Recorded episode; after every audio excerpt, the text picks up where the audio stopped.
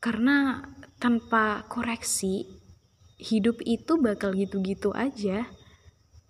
Kita nggak akan bisa maju, dan kita akan tetap melabeli diri sendiri dengan sebutan enggak layak.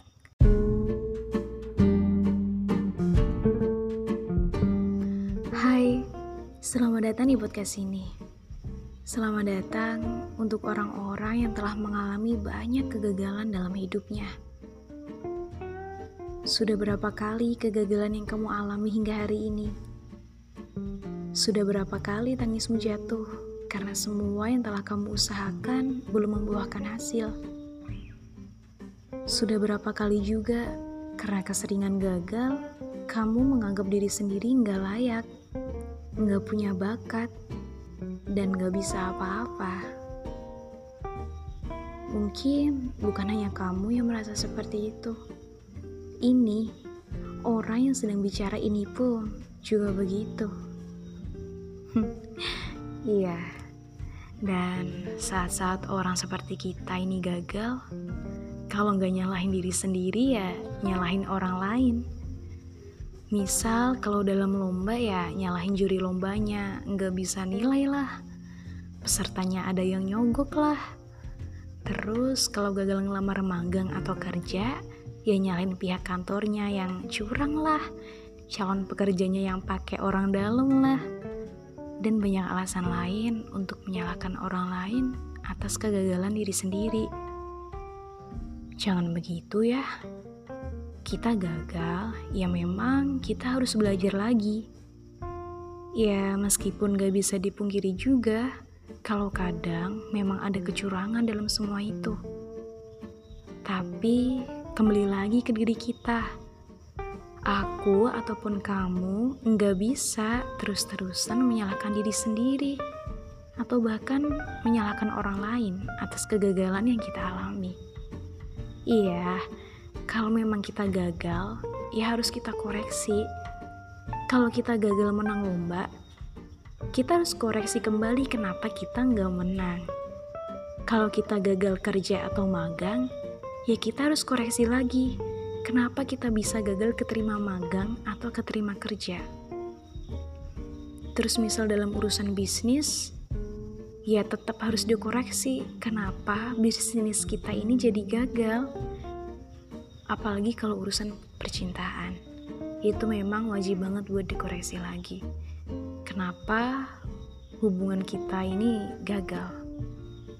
Iya, semuanya perlu dikoreksi, terutama dalam kegagalan. Karena tanpa koreksi, hidup itu bakal gitu-gitu aja. Kita nggak akan bisa maju, dan kita akan tetap melabeli diri sendiri dengan sebutan enggak layak. Enggak layak melanjutkan kembali hal yang kita inginkan, karena diri kita ini sering gagal. Enggak layak nggak layak karena memang kita belum mengubah cara berpikir kita itu. Kita harusnya bisa membuat kegagalan itu nggak sia-sia dengan cara mengoreksinya tadi. Iya, mengoreksi kenapa semua kegagalan itu bisa terjadi. Seperti tanggal 22 Maret kemarin, siapa nih yang gagal masuk perguruan tinggi lewat jalur SNMPTN? Gimana rasanya? Sakit banget dong ya pasti. Apalagi saat kita nggak lolos, tapi teman kita yang ambil program studi yang sama malah lolos. Duh, mindernya setengah mati.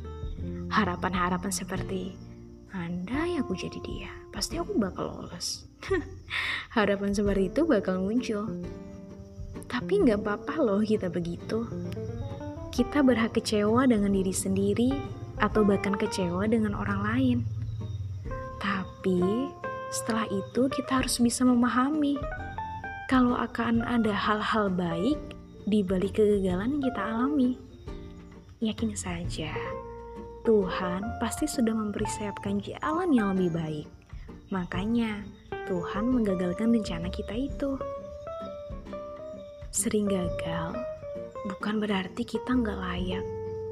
Kita itu hanya sedang disuruh belajar mengoreksi belajar menerima hal-hal buruk, belajar menghargai usaha diri sendiri, belajar untuk tidak menyalahkan orang lain, dan yang paling penting, belajar memahami rencana Tuhan agar kita bisa menjadi orang yang lebih baik di masa depan.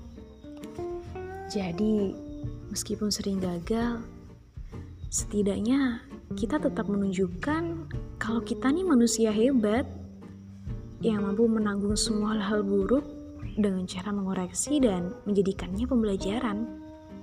Iya, semua itu akan membawa kita ke versi terbaik dari diri kita sendiri. Versi terbaik dari diri sendiri yang sering gagal. Dan versi terbaik itu adalah kita yang senantiasa belajar dari kegagalan, bukan malah dengan menyalahkan diri sendiri, apalagi mencari-cari kesalahan orang lain untuk dijadikan alasan.